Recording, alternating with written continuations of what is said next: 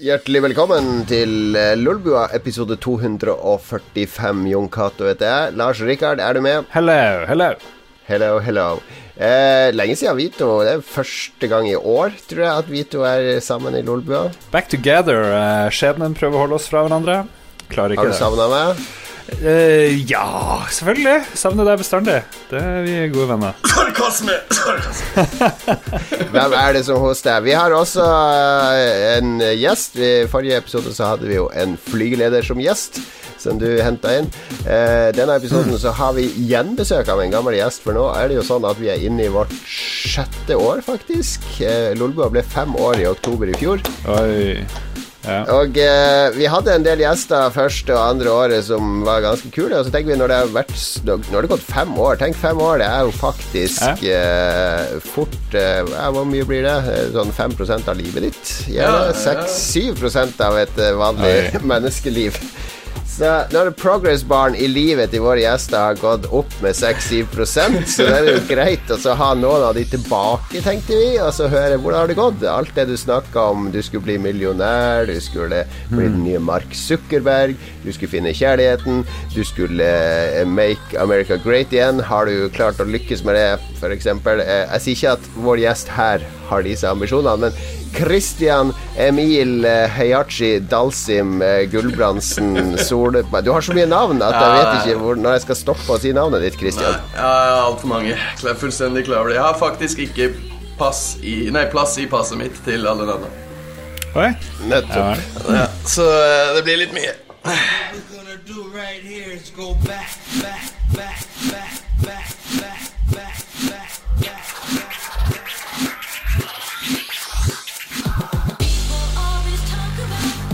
Hvor kommer det at du har så mye navn? Er det sånn at det, det, det, Spør de- mora mi. Hun, hun for, fikk for seg at uh, vi skal beholde begge etternavnene, og vi skal gi han eh, et forholdsvis langt fornavn og et mellomnavn som er fra Frankrike. Så ja, jeg vet ikke hva hun røyka, men uh, det, det ble noe sånn. Ja, jeg møtte jo Christian på et eller annet launch-event i Oslo for uh, fem år siden.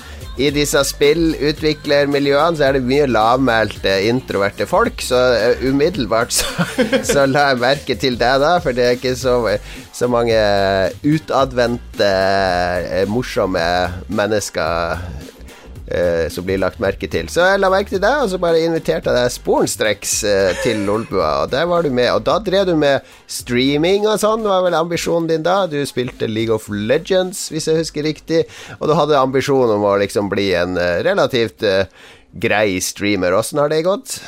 Nei, eh, det ble jo eh, litt endringer på den planen. Det var jo YouTube og, og streaming som jeg drev med, som jeg prøvde å gjøre til en jobb. Du, du tok meg, fanga meg jo i det ene året hvor jeg pra- faktisk la all tida mi inn i det, da. Så eh, altså, den høyeste månedslønna mi ble vel på 4500 kroner minus sånne Twitch-donasjoner, da, men eh, for no på, I norsk standard så er jo det ganske bra i utgangspunktet, men ja. eh, det var ikke nok til å holde liv i eh, både meg og, dama og livs livsstilen vi hadde lyst til å leve, da. Så eh, Hvor mange views må du ha for å få 4000 kroner? jeg tror jeg hadde På en måned så hadde jeg nærmere 160 000 eller noe på det høyeste. Det er jo ganske bra, da, spør du meg. Men, Jo, jo, eh, jeg ja. syns òg det var bra, men eh, ja, det er ikke noe å leve av. Jeg tror fortsatt YouTube er en ganske dårlig plattform i norske øyemed for å liksom livnære seg på. Ja. Ok, vi skal, eh, vi skal høre mer om hva du, hva du har bedrevet med siden da, og hva du driver med i dag, litt senere i programmet. Men nå har i hvert fall lytterne fått eh, plassert hvem eh, Christian Emil var, eh, og er. Ja, jeg lurer på om noen av gjestene våre fra det første året er døde? Ja, det er godt mulig. Ja. Men det er noe som er død, er jo Hammerfest-dialekten som Christian brukte sist. Den er faen ikke død. Oi, der kom han litt tilbake. Ja, nettopp. Ja, nei, nei, vi, vi hadde en liten prat før sendinga, men det Du mener at søringene skjønner ikke det hvis du prater, prater nordlending, er det det? Det, det er enkelte ord som, eh, som ikke går så bra her nede, sånn som nå og uh, Katti og Sæme og Tua og ja, diverse sånne der. Ja. ja. Man kommer ikke så langt med dem. Så, eh, men egentlig så har jeg i, i store og det hele prata ganske mye østnorsk mens jeg har bodd her. De siste Ja, ja, du blir jo årene, miljøskada, akkurat som Jon Driver og vanner ut Jeg prater sitt. ikke østnorsk, må du gi det. Ja, det er liksom av og til, da. Av og til. Vi skal videre i sendinga, karer. Eh, Første spalte.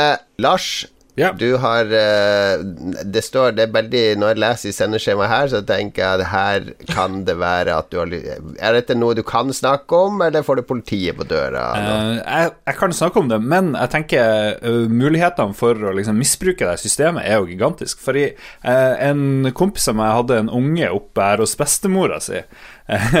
Sånn Jeg Hvor gammel gammel er dette barnet? Barnet er tolv år.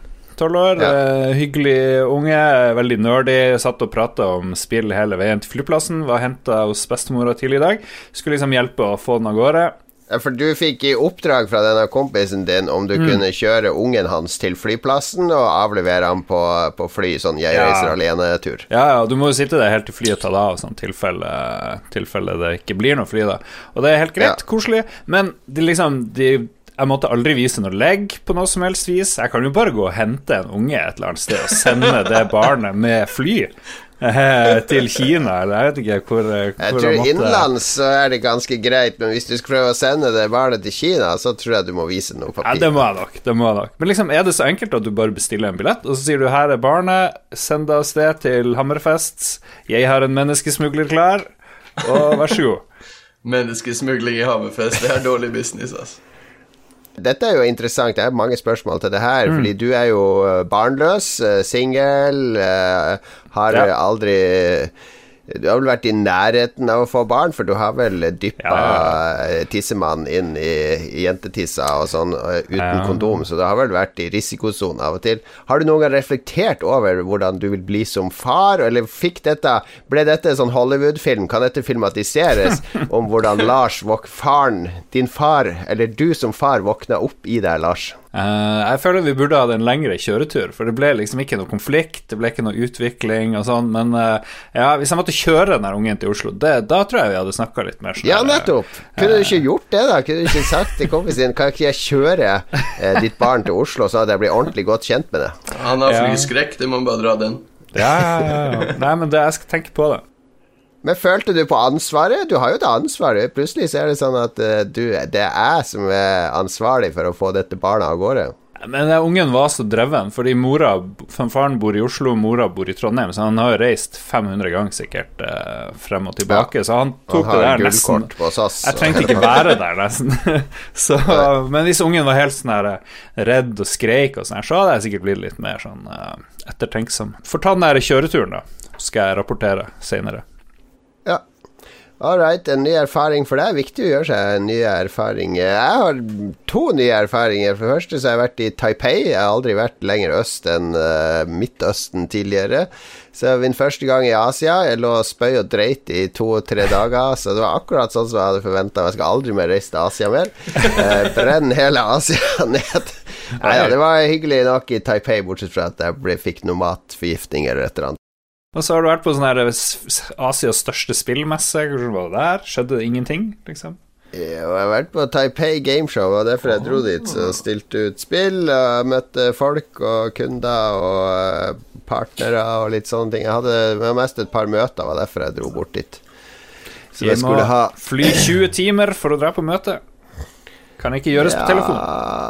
Jo, det meste kan gjøres på telefon. Jeg skulle sjekke ut en messe samtidig, for Taiwan er jo et eget marked. Altså, det er jo Taiwan heter jo egentlig Republikken Kina, mens Kina er jo Folkerepublikken Kina. Fordi Taiwan brøt jo ut fra Kina for 100 år siden, så Så det er liksom Kina, bare at her er det faktisk demokrati, og så er det ikke sensur på internett, og du blir ikke overvåka i huet og ræva. Eh, og du kan være litt eh, dissident og opprører hvis du vil, men det ganske virker jo veldig servile og ryddige befolkninga der, i hvert fall. Men eh, den øya er veldig fin, og den er jo litt sånn tropisk, så det er jo masse palmer der og sånn, så det er litt sånn Los Angeles møte Tokyo. Eh, og Kina er min take på, på Taipei. Ja. Eh, selve messa var bra. Det var Division 2 og masse sånn der. Den er ikke så stor som Gamescom, men den er siden den er i Taiwan, så kommer det liksom folk fra Kina og Japan og eh, Indonesia. Så det er liksom sånn samlingspunkt for hele Asia. Fordi Tokyo Gameshow er veldig japansentrisk. Ja. Ja. Der har du en sånn indie-område der du kanskje av og til er noen vestlige spill, men det er ikke noe fra Kina eller Taiwan eller Korea eller noe sånt. Her var liksom Hele Asia var liksom her, så du hadde selskaper fra alle asiatiske land som stilte ut side om side. Så det, det var litt kult at det var, du får et bedre asiatisk overblikk enn Ja. på Tokyo Gameshow. Var det Hvor stor prosentdel var mobilspill eller free to play eh, der nede? Jeg var jo 99% av tida jeg var jo inne på indie-området, for det var der vi hadde stand. Og det var ikke så mye mobilspill. Eh, men de spiller jo eh, TV, Det er TV-reklamer for mobilspill hele tida. Og byen er full av reklameplakater for mobilspill. De fleste har aldri hørt om. Og folk sitter på T-banen og spiller mobilspill. Selv om de er 70 år, eller om de er 10 år, så sitter folk og spiller på de mobilene sine. Så det er helt gigantisk stort der borte. Eh, er fascinerende å se. Hvis du skal på sånn Asia-rundtur en måneds tid, så vil jeg absolutt anbefale å legge turen innom eh, Taiwan og Taipei for å se den kulturen, og ikke bare Kina og, og Japan og Korea, som er de tre som liksom de fleste tar når de skal på sånn rundtur der. Ja. Et par dager i Taipei skal det ikke. Ja, hvordan utelivet ble du skikkelig driting, så eh? Nei, jeg ble sjuk, som sagt, så det ble veldig lite uteliv før akkurat den, de to siste kveldene. Da var jeg på bedringens vei. Så jeg fant en eh, Siste kvelden så fant jeg en bar som het eh, Det er jo ikke sånn som i Oslo at det er sånne puber på hvert hjørne så du bare kan gå inn og ta en øl. Nesten alle barene og sånn er gjemt ganske godt. Så du må gå ned i en kjeller eller opp en etasje eller noe sånt. Ja. Eh, så er det liksom ikke Det er ikke den der irske puben. Alle er sånne fancy drinkesteder. Eh, så, så jeg fant en som heter One Taste eh, bar. Som var en japansk bar eh, med masse japanere i, i sløyfe eh, og skjorte. Som spesialiserte seg på å lage drinker basert på én smak. Altså drinken skulle smake én ting. Eh, så det var ikke sånn gin tonic. Det var Jeg fikk en liste med 100 smaker, da. Liksom ananas, banan, eple. Eh, og, og ting som wasabi. Den Nei, drakk hva faen? Hvorfor drakk du den? Bacon, sjokolade, kakao. Altså alle mulige Mm. smaker, ikke sant? Bacondrinken høres helt for jævlig ut. Jeg torde ikke å bestille den bacondrinken, det hørtes så jævla kvalmt ut. Men jeg bestilte den wasabi-drinken, og drev han og miksa og ordna, og så jeg fikk den så lukta Det lukta helt fersk wasabi. Sånn skikkelig What? sterk eh, fersk wasabi. Ikke sånn her den der grønne gugga vi får i Norge, som Ja. jo bare er sånn horseradish, eller hva det heter. Men så, sånn som wasabi lukter når det er eh, genuint. Ja. Eh, det smakte helt jævlig, da. Men den lukta perfekt wasabi. Wasabi smaker jo ingenting. Ja, jeg prøvde to sånne drinker. De, de fikk jo til. De var helt besatt av at nei, alle drinker her skal bare smake én ting. Det skal være one taste. Så jeg måtte se på den der jævla lista og velge. Ja, ok, kan jeg få en som smaker hest? Ja, ja, ja. Crazy. Ja, men det høres ut som japanere. De liker å legge alt fokus på én ting.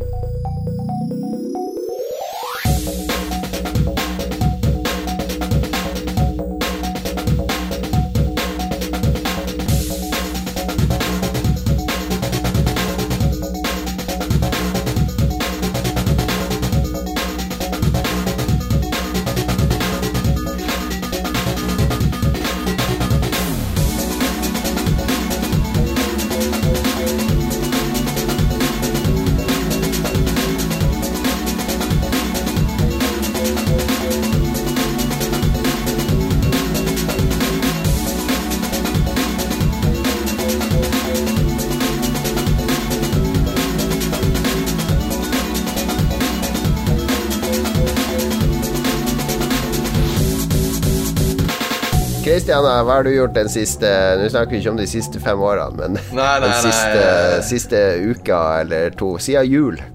Nå har jeg egentlig brukt all eh, fritida mi på det her eh, prosjektet mitt da, med å gjenopplive det norske fighting game-communityet, så det er det det har gått i egentlig helt siden jul. For tidligere holdt du på mye på med League of Legends, mens nå er det, driver du med Altså, det, det er snakk om Tekken og Street Fighter og disse type spillene. Ja, ja, ja, stemmer. Det er eh, det, Jeg fant igjen kjærligheten for det, for jeg spilte det veldig mye når jeg var Eller Street Fighter og Tekken og sånn når jeg var liten. Eh, men så kom League of Legends inn i bildet, og da var jeg jo seks år eh, av livet mitt eh, gitt bort til det. Eller 7% som du sier. Og, ehm, og eh, ja det, Altså Til slutt så blir man jo lei av alt. Det, det har jo ikke noe å si eh, hva det er. Men eh, det var liksom Jeg kjøpte det bare på Steam for en hundrelapp eller noe sånt. Det var på juletilbud i fjor, i 2017. Jeg tenker på Street Fighter 5. Ja, ja Street Fighter 5. Ja. Og så spilte jeg et par timer på i liksom juletida, og da, da var det gjort. Han begynte å søke litt rundt på om det var noen eh, greier i Oslo man kunne melde seg på osv. for å delta. Fordi man fant jo masse kule videoer fra utlandet hvor det var sinnssykt store miljøer med rivalerier og liksom verdens beste spillere overalt. og og shit-talk og salt og hele pakka. Alt det her som gjør fighting games morsomt. Så søkte jeg på litt sånt i Norge, og der var det faen ikke en drit. Nei, det kollapsa For det, det var jo en jeg kjente ganske godt, som jobba på Spiderman, han, han Chris.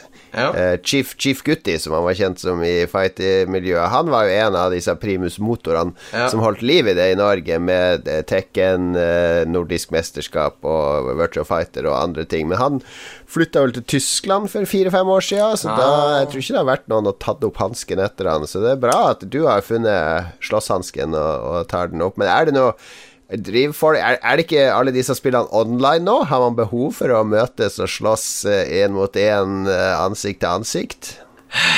Altså, Det er jo noe med det sosiale aspektet ved det som eh, man ser på sånne videoer fra utlandet hvor det, hvor det er så sinnssykt mye Jeg vet ikke om det er et godt norsk ord for hype, men altså spenning og, eh, og interesse rundt det her. Og du får de forskjellige personlighetene som treffer på hverandre, og så blir det noe helvetes språk ut av det, osv.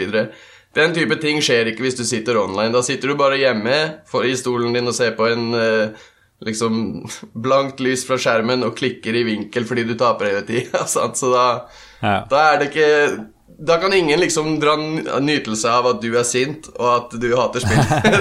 Liksom, der sitter du bare aleine og kjefter og smeller, og så kommer dama og knakker deg i bakhuet og sier 'Må du faen meg slappe av, det er bare et spill'. Ja. Nei, altså det har jo foregått nå siden oktober. Oktober var første, altså i fjor var det første arrangementet jeg kjørte. Og da var det eksklusivt Street Fighter første gangen. Og da hadde vi et oppmøte på House of Nerds her eh, på rundt 20 pluss. Det var vel 21-22 personer som møtte opp totalt. Så eh, det, var, det var jævlig gøy og ga meg liksom mersmak, da.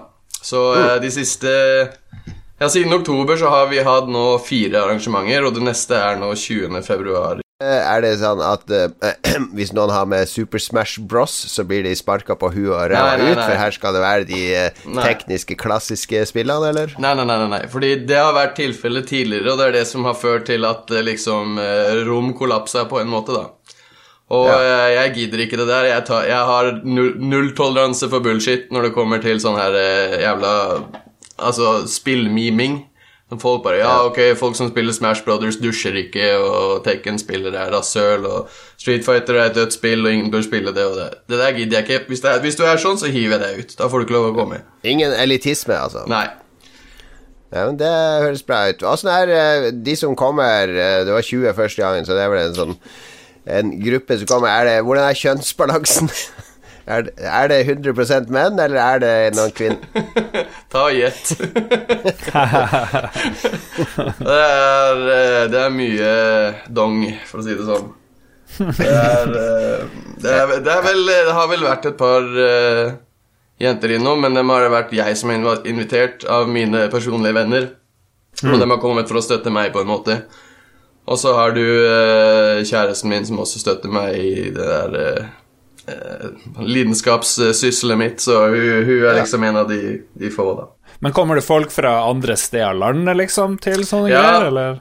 Ja, altså, jeg har eh, grasiøst åpna eh, leiligheten min for eh, tilfarere, Oh. holdt jeg på å si. Så eh, vi eh, På det tredje arrangementet så hadde vi en, en sånn Kjørte buss i tre timer for å komme og, og spille. Og han Altså, det varer jo fra fem til elleve på kvelden, det her. Så det er ikke snakk om å kjøre buss tre timer for å komme seg hjem etter det. Du kan kjøre sånn landsdel mot landsdel. Du inviterer folk fra Nord-Norge, og så må de knuse Ja, ja. søringene, osv. Jeg husker du på 90-tallet, da vi kjøpte PlayStation, Lars, så hadde vi jo, vi hadde jo noen venner i Tromsø, så da var det jo Tromsø Tekkenklubb mot Oslo Tekkenklubb. Det var jo eh, det er mye blod som ble spilt der. Ja, men det er, det, det er den type ting jeg har lyst til å gjenopplive, da.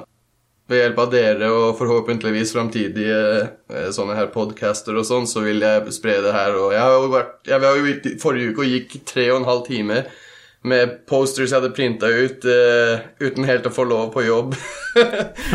og uh, vandra byen gatelangs for å levere sånne posters for arrangementet da i, uh, rundt omkring i Oslo i minus 17 grader, så engasjementet skal det ikke stå noe på. Alright. Har du noen Facebook-gruppe eller noe annet sted folk kan uh, følge deg hvis de vil vite uh, når de, de her tingene skjer i Oslo? Ja. Um, den eh, gruppa den heter for uh, For øyeblikket så heter den for Street Fighter Norge. eh, Level Up the Nordics. Men Street Fighter, søker du på Street Fighter Norge, så finner du den med en gang. På Facebook. Men du har bytta jobb. Du eh, stemmer det at du jobber hos Japanspesialisten? Det stemmer. Det har eksistert ganske lenge. Jeg, studerte jo bitte litt japansk back in the days. Da tror jeg Japanspesialisten eksisterte Ja da, på sånn med- 90-tallet en eller annen gang. For du prater flytende japansk, hvis jeg husker rett. Konbanwa gozaimasu. Du skal ikke si gozaimas etter uh, konbanwa, forresten, men Ja. eh, Da er det bare konbanwa. Men eh, ja, jeg gjør det. Ja, Vi snakka mye om eh, Japan sist du var med, men nå driver du og brancher ut. Jeg vet du, drev, du har lært Japan, nei, kinesisk òg. Ja, jeg begynte på kinesisk kurs i år og er blitt ferdig med den første delen nå, men eh, når jeg begynte på den andre delen, så var det vel 30 som kom første gangen. Andre og tredje gangen så var det to personer som møtte opp. Så Wow. de, det var meg og en til, så de kansellerte det og ga oss pengene tilbake. Oh, nei. Så uh, vi får se når jeg skal fortsette med akkurat den der, da. Men, uh, Men du kan ta det på universitetet, tipper jeg. Gratis, kan du ikke det? Ja, ja, det det kan jo- jeg helt sikkert. Eh, Ja. Det Ja. Men noe hva er det for noe? Er det, det er sånn reisebyrå Det- ja. som arrangerer turer til Japan? Det stemmer. Vi lager eh, pakkereiser eh, fra scratch, og så sender vi et uforpliktende tilbud til dere, og så kan dere si ja eller nei, eller så kan vi revidere det videre til dere for med pris. Ja, for det er jo uh, populært å sende sånne bloggere til Dubai og sånn, så nå, nå, nå tenker jo jeg og Lars at nå kommer jo Japan-spesialisten til å sende oss to til Tokyo Gameshow. Det ser jeg jo Absolutt. for meg at det kommer dette sponsortilbudet mot en masse gratisreklame. Jeg kan så mange, mye om de hotellene i nærheten av, uh, av, det, av eh, Tokyo Game Show nå at jeg holder på å spy. Men eh, ja, det mm, Altså, dere må jo dessverre betale for det, for uh, Japan-spesialisten har liksom ikke kapital til å bestille det, What? bloggere og sånt. Hva, er det, hva slags organisasjon er dette? Avslutt denne podkasten.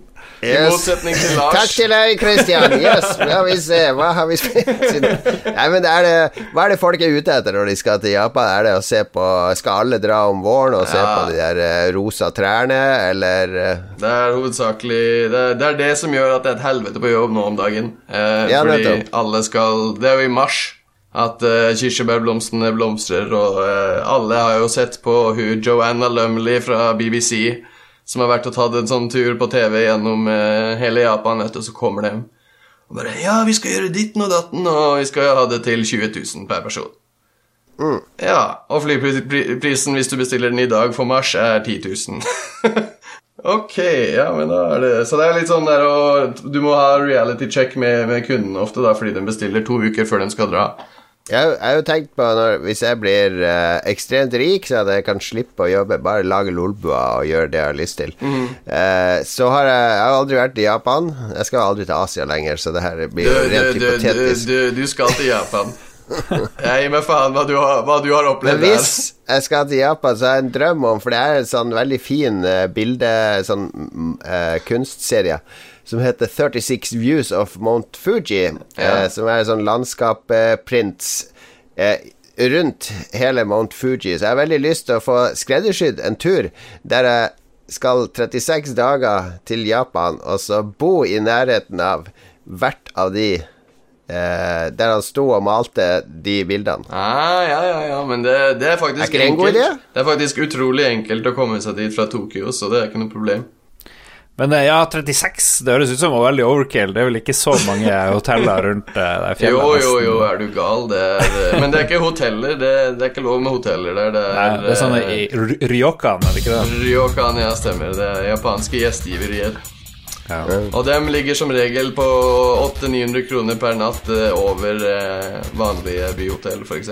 Nei, ja, men husk at nå er Du er veldig millionær. rik og sånt. Jeg er så mange det, millionær, så prisen spiller ingen rolle. Jeg skal oppleve de 36 views av Mount Fuji fra stedet der han kunstneren sto i sin tid. det høres eh, bra ut.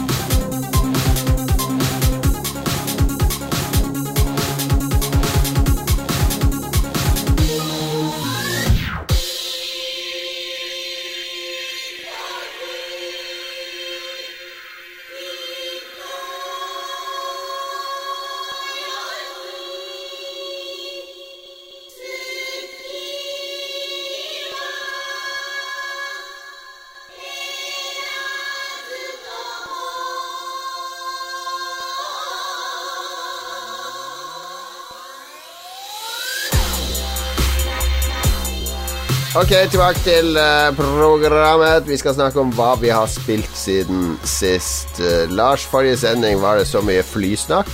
Men du har fortsatt å spille flyspill, har jeg skjønt. Ja, eh, Grunnen til at vi hadde flygeleder Kasti Eriksen på besøk sist, var jo fordi eh, Ace Combat var ute, og var litt morsomt å nerde om fly. Noen av oss er mer interessert i fly enn andre.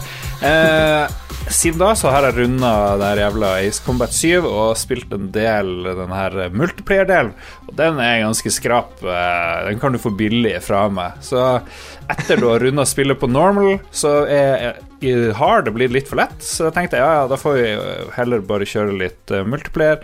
Og det eneste de gjør i multiplayer, det er å fly i en sånn sirkel, en sånn endeløs loop, fordi du må liksom unngå å bli skutt. Og den beste måten å gjøre det på, er å fly i sånn her eh, hardeste G-turn du klarer, og samtidig prøve å treffe de andre. Det er liksom i hvert fall det min erfaring etter en par timer flyging der, så er det er bare å kjøre loop, skyte raketter og håpe at du treffer, og eh, that's it. Og det er ganske kjedelig. Det er litt skuff. Nei, men uh, hørs før uh, forrige sending. Veldig mye gøy. Uh, Kosti har jo uh, fått nærkontakt med SR71, Blackhawk, og eh, for oss som digger fly, veldig mye koselig, uh, koselig historie der. Ok, Du har spilt eh, Anthem òg, har jeg skjønt, for det har vel vært i åpen beta denne helga? Ja. Åpen test. Eh, Det er jo BioWare sitt nye Hva er det? Destiny eh, Division-type challenge-utfordrer. Altså en sånn der uh, online shooter med Ja, Forhåpentligvis uh, som man kan committe seg til å spille i flere år. Ja, det ligner jo ganske mye på Destiny. Du er fire, og du missionene du fikk prøve i betaen, ligner òg. Litt sånn her stå i en sirkel og vente på at uh, en eller annen datamaskin gjør et eller annet. Men det som er forskjellig, er jo at det er veldig vertikalt i tillegg, da. Og du kan fly eh, du har sånn Iron Man-drakt. ja, og det, det er ganske kult.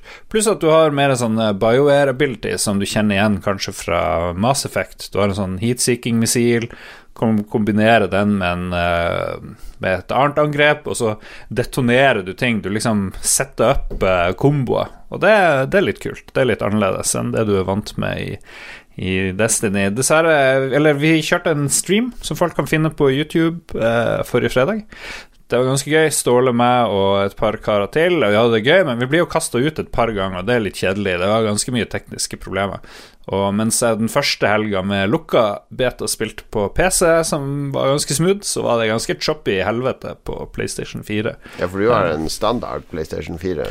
Ja, ja. Så det, det er bedre på proen, hvis du liksom kjører det i 1080, i hvert fall. Vet jeg. Men jeg, syns jeg likte det. Jeg likte NTM. Men du har jo også prøvd det, har du ikke det? GC. Jeg prøvde i et kvarter. Altså, det er så mye småting som uh, har irritert meg over, eksempel. Mm. Du har jo masse dialog i denne byen. Altså Hver gang du får sånn dialogvalg, så må du holde inn en knapp i to sekunder for å velge det valget. Hva? Why? Hvorfor? Ja, quality of life-tingene er ganske mye de må forberede. Ja, det er mye. Jeg liker ikke den uh, HUD-en heller. De er skrå. Det ser ut som det er designa i 2001. Og så er det litt sånn sluggish, føler jeg. I hvert fall i Ja. forhold til Destiny, som er veldig sånn instant uh, pek Mm. og klikk, gratification shooter. Det er mye mer uh, sluggish movement her, og, Ja. og og småting. Så Men jeg, det, jeg tror jo det er Forhåpentligvis er det noe bak fasaden. Altså, jeg skal jo gi det en sjanse. Det kommer vel Ja. neste uke for de som har Jeg vet ikke, du må jo se på et fucking spreadsheet for å finne ut når du faktisk kan spille spillet. Jeg tror det er midten, tror- midten av måneden, tror jeg det kommer. Ja, jeg tror det kommer om to uker cirka. Så vi får se. Vi får se.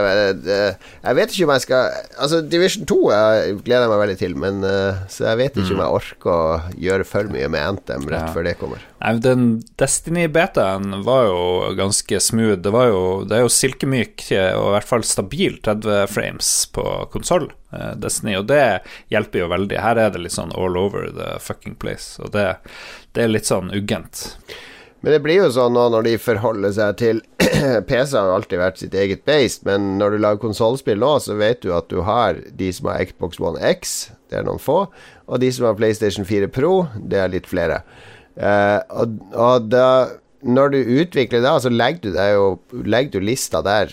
Jeg tror jeg nesten helt ubevisst, for du skal jo pushe mest mulig grafisk. Og så blir det sånn Ja, ok, men jeg kjører ikke så bra på de gamle, men eh, ja, du blir jo Ja, nei, jeg, jeg, jeg tror det Jeg liker ikke helt at de segregerer innad i konsollgenerasjonene. Jeg har ikke så mye å dele, for jeg har bare spilt egentlig Diablo 3 mens jeg reiste i Taipei og på, på flyplassen i Beijing. Eh, Det er veldig bra reisespill, altså. Diablo 3 på Switch snakker vi om her. Eh, det er veldig Det er ganske hjernedødt. Det er bare Det er en ny sesong nå, da. Når det er sesong, så kan man liksom levele opp en karakter fra scratch via en masse utfordringer, og så er det sånn smørbrødliste med sånne ting du skal prestere, så gir deg forskjellige kosmetiske rewards og sånn. Det er jo ren det er ren sånn der eh, gratification-spilling. Så det er eh, skamløs moro, rett og slett. Nå er det eh, Christian igjen. Hva har du spilt i det siste? Ja, du kan jo gjette. det har eh, gått mye i eh, Street Fighter i år, for å si det sånn. Jeg har eh, solide snart 1500 timer siden desember i fjor. 1500 timer Street Fighter. Ja, Jesus det har blitt mye. Så eh, det har gått mye i det, men jeg har faktisk også spilt litt sånn her eh, Fordi det blir, det blir litt mye å spille timevis med timevis på Street Fighter fordi det krever så ekstremt mye fokus og liksom å være observant og klar på alt hele tida. Så eh, da måtte jeg bare ha og finne meg et spill som, eh, hvor du kan slappe av. Og det er litt sånn Det jeg fant, er noe som heter Hero Siege. Det er et sånt der eh, Kan kalle det for eh, Diablo Light, da. Det er et sånt der eh, hack and slash-spill hvor du bare går rundt og Ja, ja. Du blir satt i et sånt uh, en sånn, Teleportert inn til en liten verden, og så er det et sett antall monster der som du må slå. Og når du er ferdig der, så er det videre til neste sone. Og så kan det hende at det dropper uh, legendariske gjenstander, eller ja, blå gjenstander som ikke er fullt så legendariske, med sånn der grytelokk og Det sånne er typer. Hero Siege? Er det mobilspill? Nei, nei, nei, det er på Steam, og det koster sånn 40 Ja, okay. kroner. Men det er, det er billig moro, holdt jeg på å si. Du, bare sitter der. Du, du skrur av hjernen, og så går du rundt med PlayStation Mm. 4-stikka og bare hakker og slår i hjel ting. Og... ja. Litt sånn retro- retro-look på, på det, ser det ut som. Ja, det er veldig retro. Det er veldig sånn eh, for oss som vokste opp i Super Nintendo eller fikk med oss Super Nintendoen og sånt, så, eh, så er det noe som virkelig Ja. Er det noen multiplayer der? Ja, ja, det er multiplayer og leaderboards og alt mulig rart, sånn som du vil eh, forvente å finne i den type spill. À la Diablo, da. All right, hva heter det igjen? Hero Siege. Hero Siege er spilt, Diablo 3 er spilt, Taiwan er besøkt, og Ace Combat 7 er runda. Og Anthem Kan jeg spørre én ting om, eh, om Ace Combat 7? Ja. Ja. Hvordan var soundtracket? S- svulstig. det er akkurat som det bruker å være i Ace Combat. Strykere og, og ja, mye, power, mye tunge gitarer innimellom. Og, ja. Ja. og så er det noen, noen veldig mye stemmer ikke sant, over radioen. Du får jo høre både dine egne og fienden sin radiokommunikasjon og alle på bakken. Og det er veldig dårlig kryptering, da, så du Ja. får høre mye sånn dramatisk historie i Men er alt på engelsk, eller får du litt sånn eh, forskjellige språk? Og... Du kan velge japansk hvis du vil. Ja, ok. Eh, Men eh, jeg har bestandig hørt det på engelsk, så Ja, ja, det det, og du kan ikke sitte og lese. Jeg vet ikke om det er tekstart. Jeg er litt sånn usikker. Det er litt vanskelig å fly og så drive og lese tekst, så jeg tror engelsk var tingen for meg. Dere fly, du brukte opp flykvoten sist. Her får jeg eh, spørsmål. eh, Grunnen til at jeg spurte, var bare for at jeg tror av alle spill jeg noensinne har spilt, så er Ace Combat 2 det beste soundtracket jeg noensinne har vært borti. Oh, ja, kult. Da, det, da får vi høre en låt fra Ace Combat 2 her.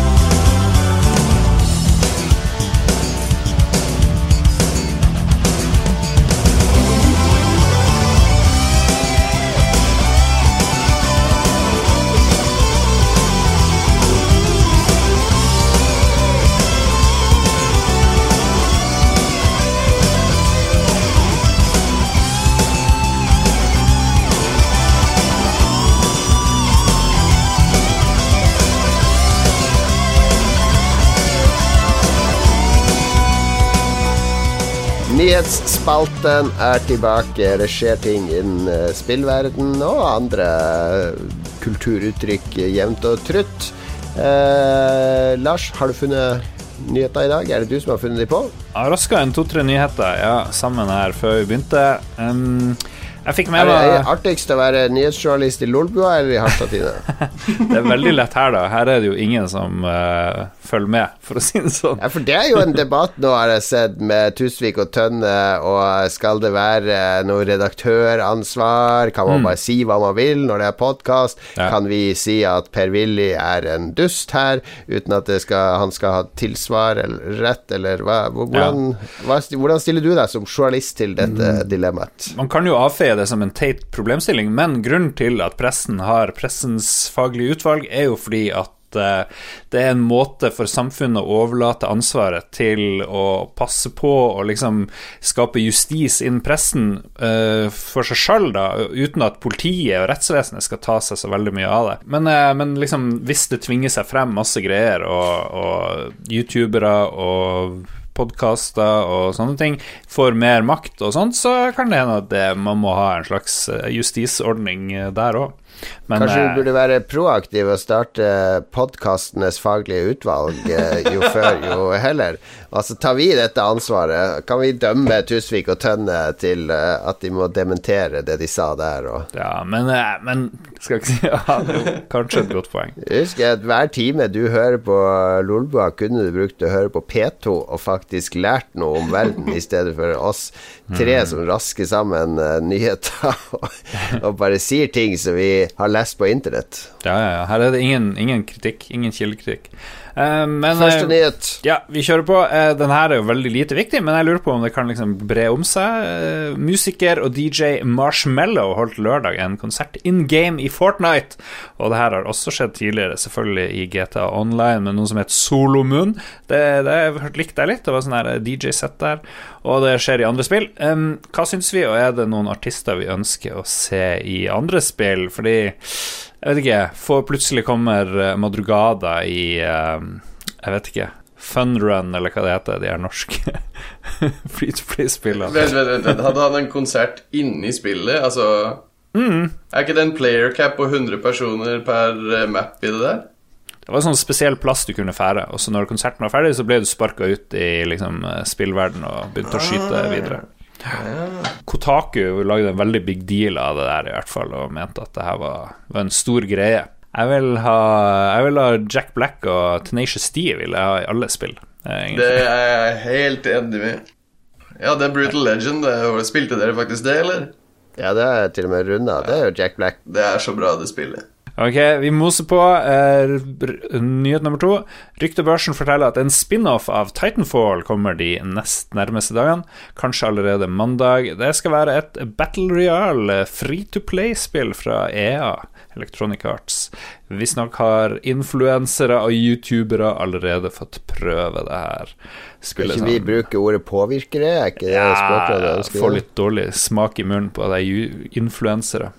Man kan jo bare si idioter. Idioter og youtubere har allerede fått prøve herligheten. Og visstnok så er ikke de her Titan, de der eh, mekkene, er ikke en del av det her eh, spillet. Hvis Var ikke det hele, så å si hele salgspunktet til spillet? Ja, det var jo det. men Titanfall er jo respawn, så hvis det er respawn som står bak, så er jo det Modern Warfare 2-folka. Uh, Og så har EA da scala bort, ned med det tech-mech-fokuset, og tilbake til smooth, kjapp multiplayer med guns og soldater. Så det har jo potensial, eh, vil jeg jo si. Og så er det gratis, og så er det Battle Royale. Uh, og så har de holdt det hemmelig helt fram til lanseringa, hvis det faktisk lanseres nå i morgen. Det er søndag når vi spiller inn der. så er det jo ganske godt gjort. Da kan du jo eh, få en liten impact, tenker jeg. Mm, ja. Jo da, det er, hvis de lager et Battle Royale free to play, så er det jo De har jo en grei sjanse, men, Men det har er jo ikke, sånn her eh, har ikke EA allerede Battle Royale-spill i, i det formatet? Nei, de har eh, Det skal komme i Battlefield 5 uh, i vår en gang, men det er ikke implementert ennå. Ah. Men det er jo et premiumspill, så da er det en ganske Da begrenser du hvor mange som kan spille det, ikke sant. Ja. Greia med Fortnite er jo at det har 200 millioner pluss spillere fordi det er gratis. Uh, I utgangspunktet. Men når du har eh, Fortnite og den slags spill, det er jo eh, Og PubG, det er jo sånn én av 100 000 spill klarer å få det til. Så eh, Ja, det er masse som har feila. oddsen, oddsen for at det der blir en hit, er ganske liten, tenker jeg. Ja, men hvis det er, er Folk vil alltid ha noe nytt, da. Så bare det funker. Ja. Men sånn som Call of Duty sin Battle Royale, den har vel stabba litt av nå. Den folk likte den da den kom, men så hoppa folk tilbake til PUBG og Fortnite. Jippedupp. Nyhet nummer tre, eh, og da hopper vi ut av spillverden og inn i film og annen populærkultur. Jeff Bridges, skuespilleren, slapp for en ukes tid siden en video av seg sjøl som The Dude, karakteren The Dude fra filmklassikeren The Big Lebowski. Og eh, i noen sekunder eh, så øyna mange, skriver jeg, i hvert fall meg, håpet om en oppfølger på eh, The Big Lebowski. Men selvfølgelig, det dreide seg om teit reklame. Jeg tror det var for noe øl, var det det? Eh, som det skal bli No. mer av under Superbowl i kveld. Um, og spørsmålet er jo hva vi syns om det her påfunnet. Og så tenker jeg, vil vi egentlig ha en oppfølger til The Big Lebowski? For det kommer jo aldri til å bli like bra som Nei. filmen. Det blir vel ikke det, men det er, det er noe sånn trist ved å se The Dude uh, selge Bli en sell-out, liksom. Mm. Ja. Han er jo Det er, det er veldig ting som ikke stemmer med The Dude som brukes i kommersielt øyemed.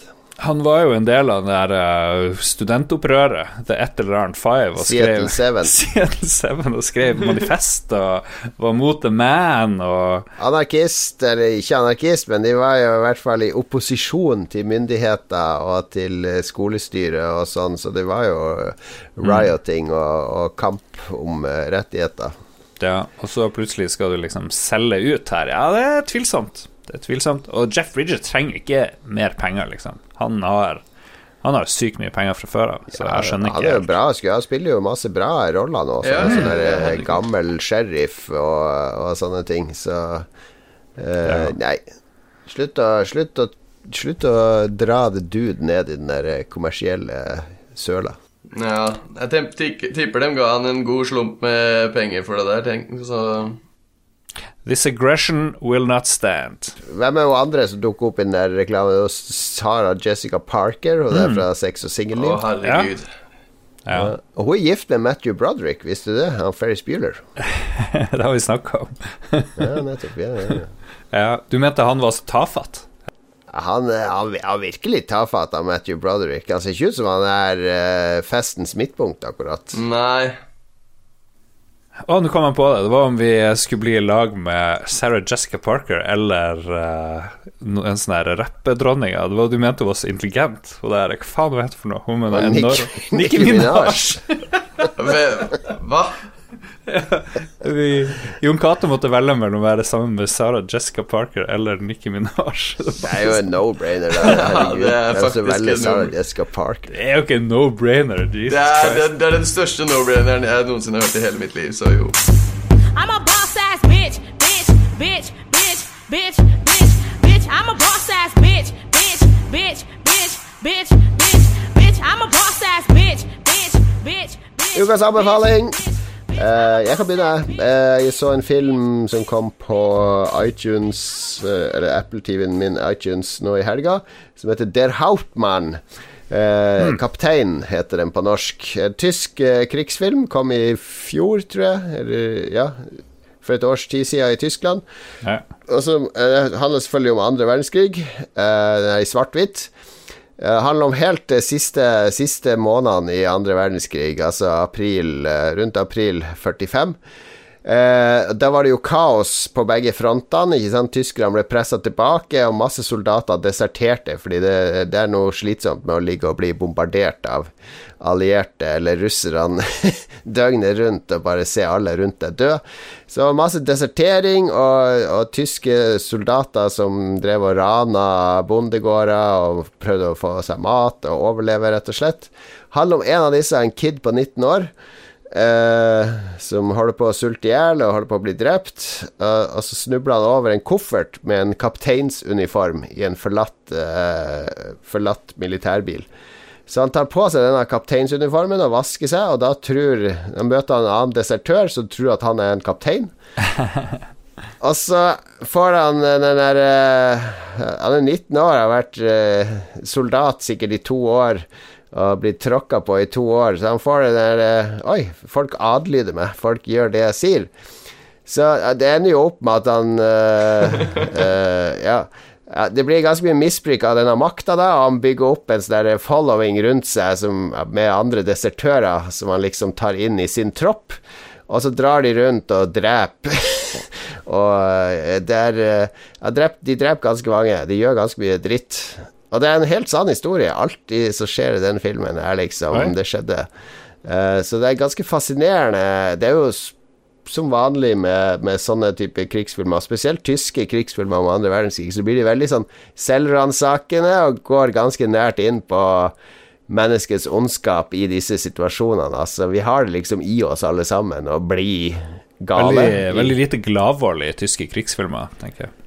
Ikke så mye gladvold. Det er ikke så mye gladvold her heller. Det er, ganske, det er et par ganske drøye scener, og mye sånn galskap, og, og, og drikke seg dritings og gjøre fæle ting. Og, eh, er ikke noen gladfilm, men eh, tyske krigsfilmer om andre verdenskrig De leverer ofte varene, og det gjør kapteinen. Så Der Hauptmann eh, tilgjengelig nå digitalt. Jeg, tror kanskje, jeg vet ikke om han går på kino lenger, men han gikk på kino tidligere.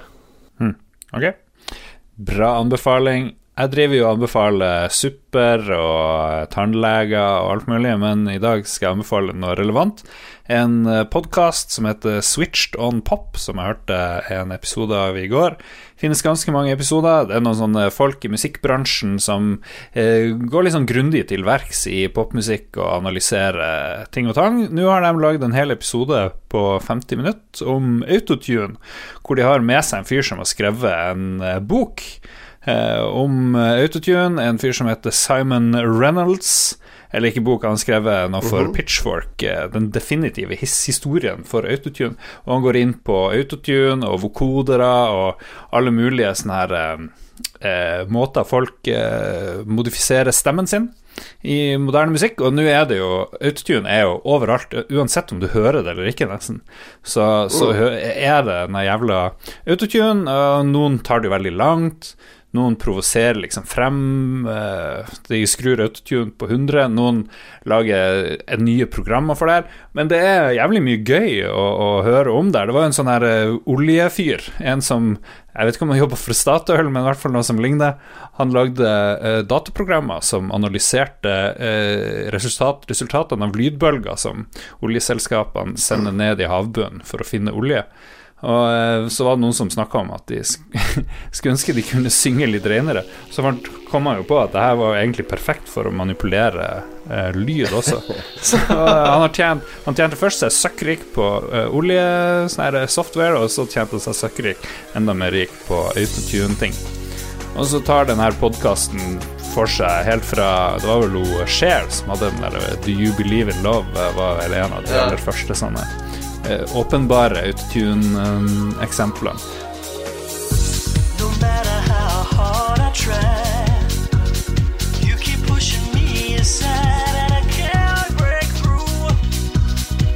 There's no talking to Så snakker de om hvordan eh, rapp eh, har blitt påvirka av autotune. Etter at de fikk autotune, så synger de mye mer om følsomme ting, eh, mener da de som står bak den her greia. De snakker om følelser og tapt kjærlighet og blir litt sånn mer sånn sutrebasser, de her uh, rapperne. Når de liksom kunne synge med den her backinga backing av autotune. But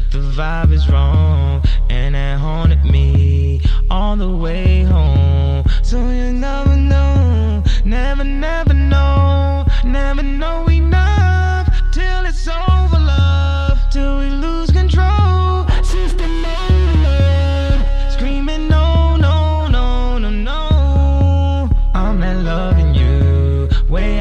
veldig mye gøy.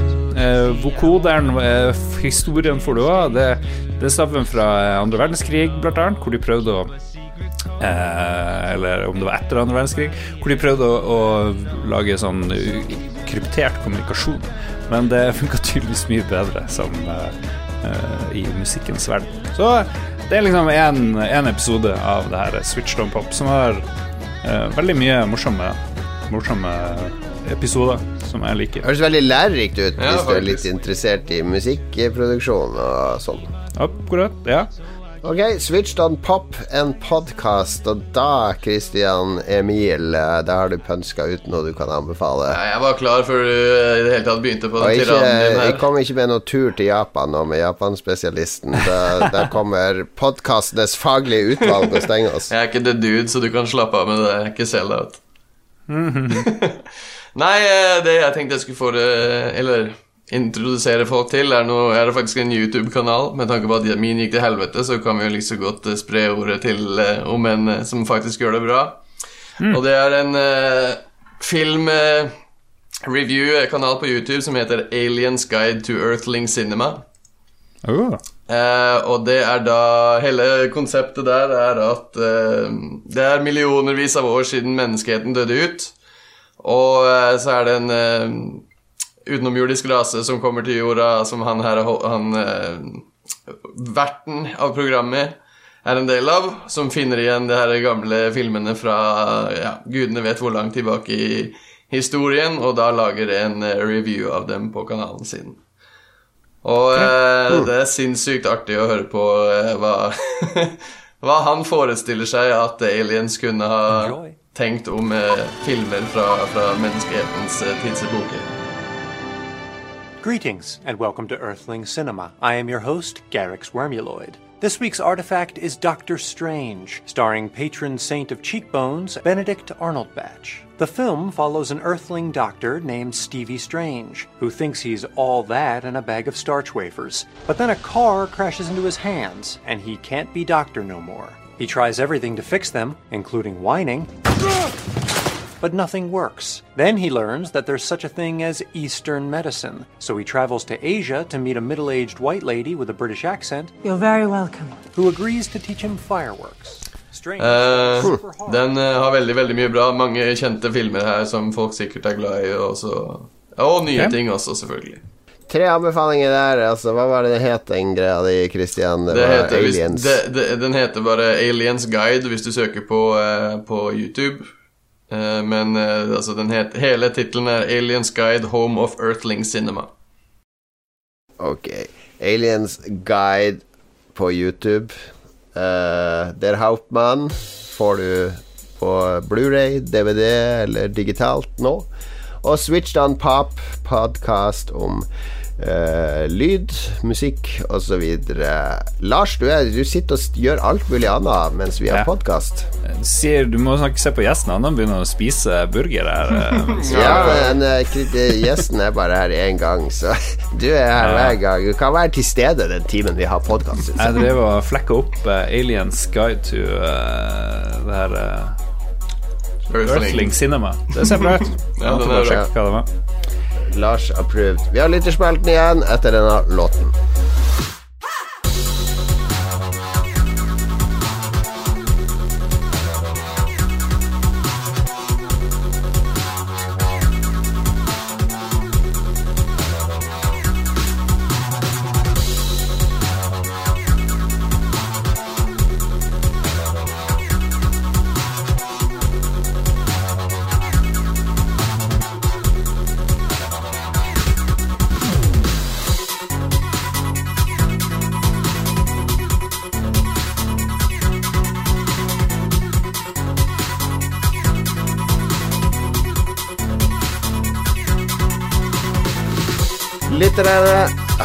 Lytterne Lytterne har sendt inn en eh, bøtte med mas og kjas som vanlig, Lars. Ja, uh, siden vi hadde uh, Christian som gjest, og siden jeg er litt sånn japanofil Uh, og hørte at han drev og lærte kinesisk, så lanserte jeg han som Japan- og Kina- Kina-ekspert. Kina og ba folk fyre av noen uh, spørsmål og kommentarer rundt det, så får vi se hva vi får av svar. Eh, kunne, kunne kunne kjørt på med fight- fightespill òg, men jeg fikk ganske mye morsomme spørsmål.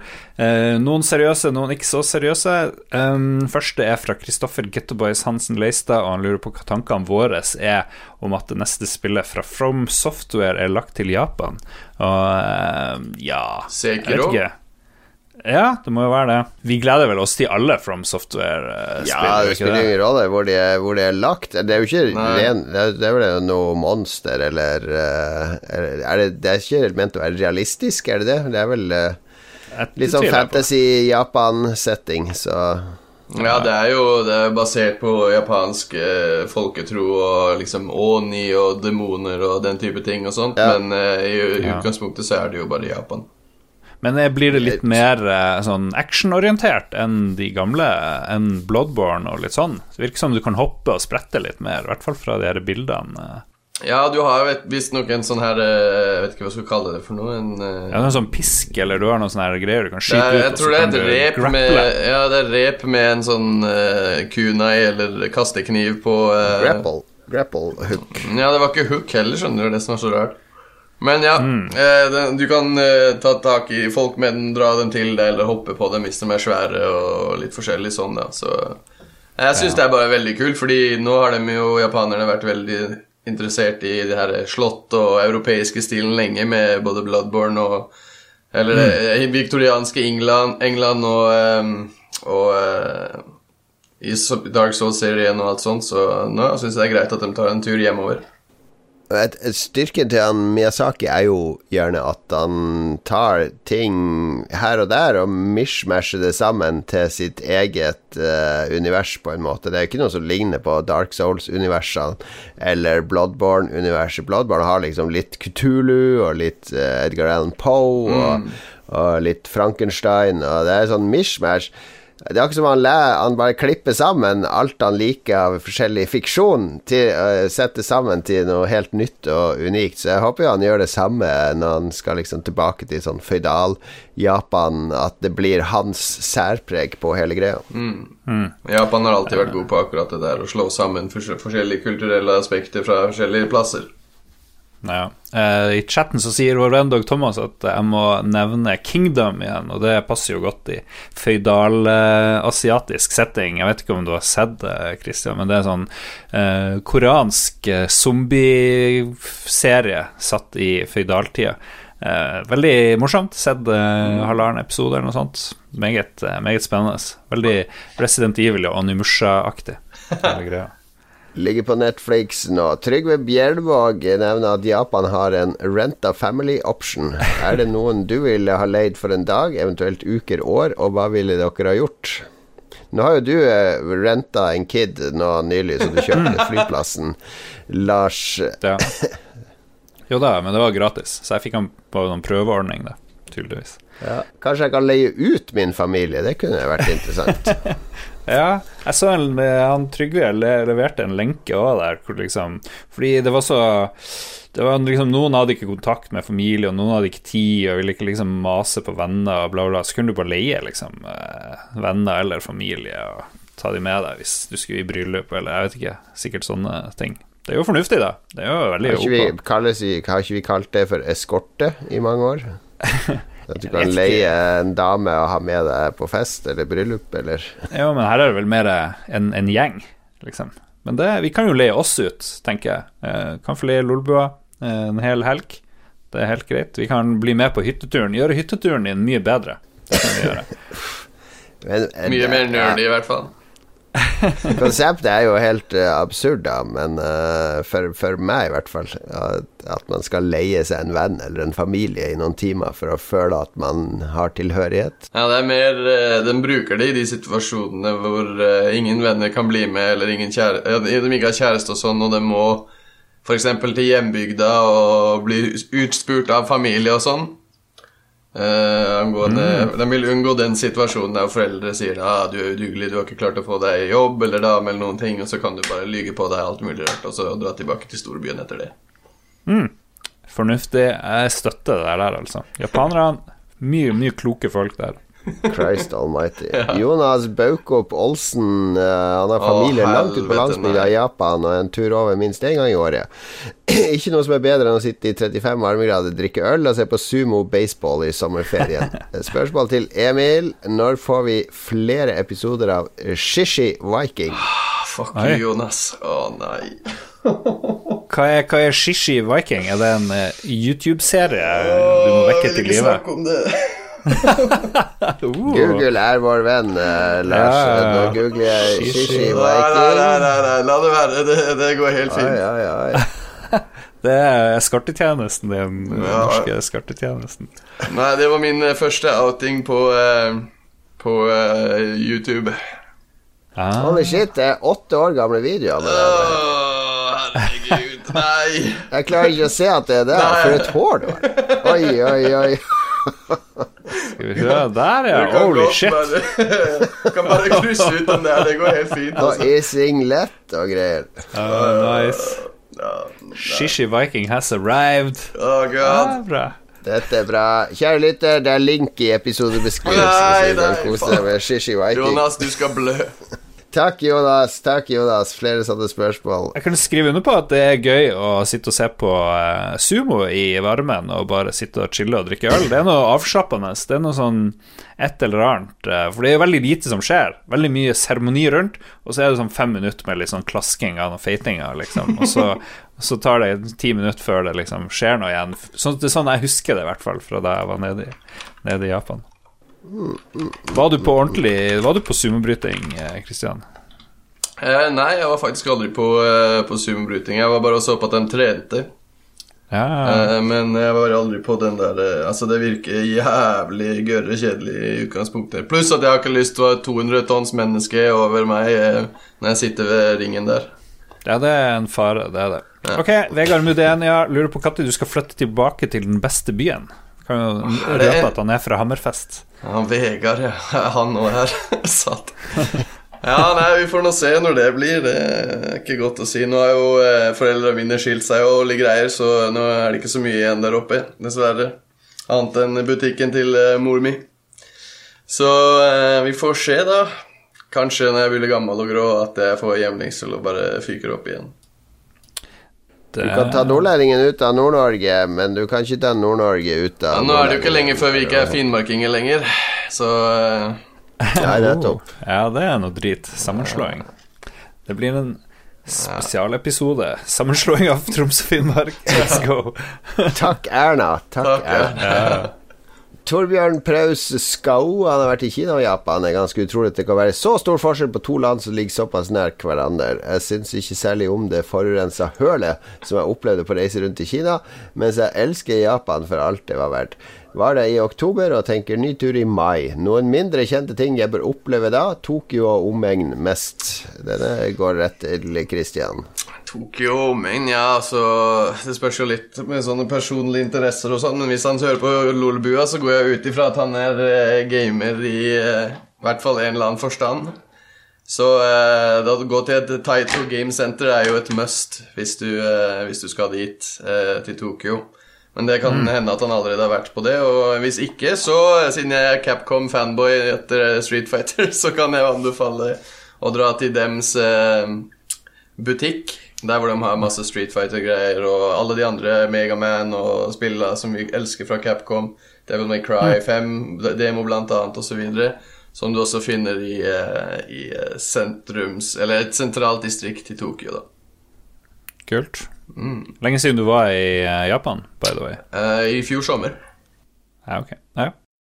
Jeg vet eh, det er en, en pub, eller en bar, eh, serveringssted, kafé, i Tokyo som er superhemmelig, som er for de som jobber i spillbransjen i Tokyo. Der folk fra Nintendo og Capcom og andre pleier å gå. Eh, det, det var en Kotaku-sak om denne kafeen, fordi den er eh, super, super hemmelig. Invitation only. Eller du må vite hvor den er, ha passordet. Og det er masse sånn art fra Nintendo-artister som de har tegna mens de har vært der, som henger på veggene, og fra Megaman-skaperen osv. Kan Japan-spesialisten hjelpe meg å finne denne baren, så jeg kommer meg inn der? Du, nå som du har fortalt meg om det, så skal jeg legge hele morgendagen i å finne ut hvor faen det her er. Ja, jeg kan sende deg linken til den Kotaku-saken, for jeg ble veldig nysgjerrig. Ja, ja. Altså, alt, som, alt som jeg ikke kan dra på Selvfølgelig vil jeg jo med en gang. Hvorfor kan ikke jeg det? Jeg, skal, jeg vil inn her. Slipp meg inn. Slipp meg inn. Uh, så jeg må finne ut Hvis jeg skal dit, så skal jeg finne ut Jeg, må- jeg vil finne ut på forhånd Ja, og altså, ha, nå- maksimere sjansene for å komme inn der. Jeg har akkurat samme følelse som deg nå. Jeg kommer til å true noen til jeg kommer meg inn der. Det, det har ikke noe å si. Jeg skal inn. Trond Sinfor Sin4 uh, Borgersen han lurer på om japanere er rasistisk. Det er jo en sånn kjent eh, stereotypi. Det er dem ikke. I hvert fall ikke unge japanere. Nei? Det er Nei. noen, selvfølgelig, men uh, de er uh, ekstremt sjelden i eh, Altså blant unge i Japan, fordi unge i Japan har ikke det samme stigmaene mot eh, utlendinger som, som foreldregenerasjonen hadde, med mindre foreldregenerasjonen virkelig har stått på for å liksom inngravere det her i, i sjela til ungene sine òg. Eh, Rasismen eh, fikk jo en kraftig boost på slutten av 90-tallet, etter Lars hadde vært der et halvt år og halva over en masse japanske damer og etterlatt et par barn der. Og, Det er en egen landsby der det er oppkalt etter meg. Den, den, må, den må du legge inn i Japanspesialisten-repertoaret. Jeg vet ikke helt om folk har lyst til å dra dit hvor du har pøka hele byen til eh, inn i eksistens. Det Kanskje ikke det største salgspunktet. True story. Kosti Eriksen, flygeleder som var med i forrige episode, han, har, eh, han unnskylder på forhånd eh, begrepene han bruker i spørsmålet sitt, men han opplevde i sin tid i Indonesia at kinesere som bor i andre land i Asia, er litt sånn Asias jøder, eh, kaller han det. Altså det. Det betyr vel at de er litt utstøtte eller sett ned på, eller litt hakkekyllinger, går jeg ut fra er det han, han uh, impliserer med De har er veldig store neser og gode med penger, tror jeg. Men Ja, hva, hva, hva er ekspertens betraktninger rundt eh, kineseres status i Asia? Nå kan ikke jeg si noe annet enn det jeg har opplevd i, uh, Japan, og jeg vet at uh, Altså, jeg har jo mange venner fra utenfor eh, Japan nå, fra Asia. Og den generelle konsensusen, sånn stereotypen, er jo det at eh, kinesere er bråkete, de roter og rydder aldri etter seg, og de er eh, uhøflige, sniker i køa og gjør andre ting som asiatiske land generelt sett ikke liker, som å være uryddig og den type ting.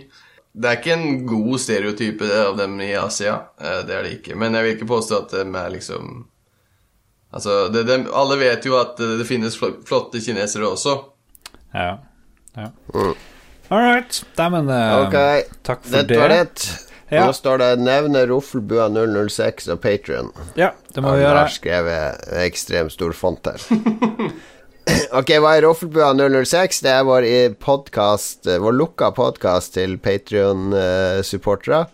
På, på, som gir oss 10 dollar i måneden. Eh, Er du en av disse snille? Vi har en god del patrions, så tusen takk til alle dere som støtter oss der. Eh, Vi tar livet av Hitler i denne episoden, kan jeg røpe her og nå. eh, vi, vi har funnet en tidsmaskin, osv. Så, videre. så har du lyst til å høre det, så er den episoden ute nå. Eh, hvis du ikke er Patreon støtter oss på Patreon men har lyst til å høre det, så gi oss ti dollar, og så hører du på den, og så kan du bare kansellere de ti dollarene etterpå. hey. Det, er, det går an, det, Lars. Jeg er lov å si at de kan gjøre det. Det var veldig de dårlig, eh, dårlig gjort å røpe hvordan du utnytter systemet her. Ja, men de havner jo Vi har jo våre hemmelige lister som jeg ikke snakker om, eh, der, der navnet ditt kommer. Du vil ikke være på den lista. Ikke være han der som eh, er Patrion-supporter i ett døgn, bare for å for å rushe deg gjennom seks episoder av Roffelbua. Ja. Nei, men Roffelbua 06 ble ganske morsom. Du, Ståle og Kristian eh, kommer for en dag at dere var spesialagenter. Det er gjesteopptredener av eh, Trine Skei Grane, Bård Hoksrud og Per-Willy Amundsen, eh, som man kan kose seg med. Hitler Ja. dukker opp. Klær han Eh, Hans dukker opp, som du hater overalt på jord, Uh, Ja, jeg. hans, ikke nevn Ja. Og så får du høre eh, Min favoritt er jo Ståle, som er sånn italiensk Hans cover er at han er en italiensk loverboy. Mens han, han er utrolig dårlig sånn italiensk aksent. Blir bare mer og mer finsk. Jo lenger ut i episoden vi kommer, jo mer 'Jeg skal elske med deg'. Det blir, det blir sånn mindre og mindre italiensk og mer og mer finsk. Ja. Jeg vet ikke om eh, en finsk elsker Er det noen gang noen som har ønska seg en finsk elsker? Nei, Ja, jeg kan som jeg vet. Jeg vet da faen. Det, det, det, finnes mange rare fetisjer der ute, men jeg vet ikke om jeg vil ha en sånn Jarmo på Det- Det utgår. Ok, det er eh, i hvert fall nyeste Roffelbua. Tusen takk for at du var med i dag, Kristian. Eh, mangle. lykke til med både Japan-reisene du driver og arrangerer, og slåssespillturneringen i Oslo. Thank you, thank you. Jeg skal eh, jobbe Det- på. Det er bare å Bare å komme. Vi er på House of Nerds sånn cirka i hvert fall én gang i måneden. Uh, Facebook-gruppa er uh, Oslo Street Fighter. Da finner du det. Street Fighter Oslo. Street Fighter Norge. Norge, ja. Ok, da fikk vi med det. Og 20. Lars, har du noe å meddele? Uh, har ingenting å meddele. Husk å støtte Trump. Trenger din hjelp mer enn noen annen gang. Kristian s- Christian snakka mye med meg om det her før sending. Veldig redd for at han ikke skal få en ny nye fire år eh, der borte i USA. Men det skal vi klare i lag. Eh, Kristian sa at vi ikke skulle snakke om det, Lars. Ja, det var det, ja. Det var det. Jeg tok helt feil. Ah, Ok, vi, vi, det blir mulig at vi kjører noen livegreier. Lars kommer ned til Oslo i starten av mars. Vi ser på muligheten nå, så begynn å, å holde av datoen der. Eh, Vi, må se hva vi får til. Ja. Eh, ellers skal det skje masse spennende med Lolbua nå de neste månedene. Bare følg med på din favorittpodkast. Takk for oss. Takk for alt. Ha det bra. Ha det ha det bra.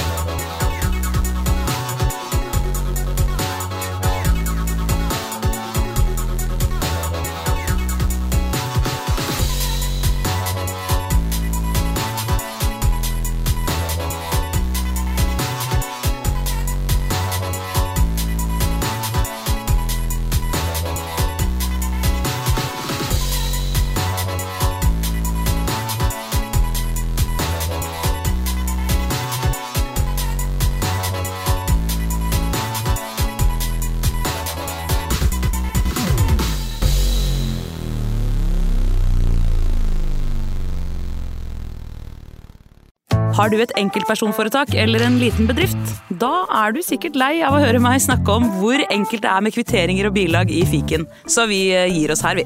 Fordi vi liker enkelt. Fiken superenkelt regnskap.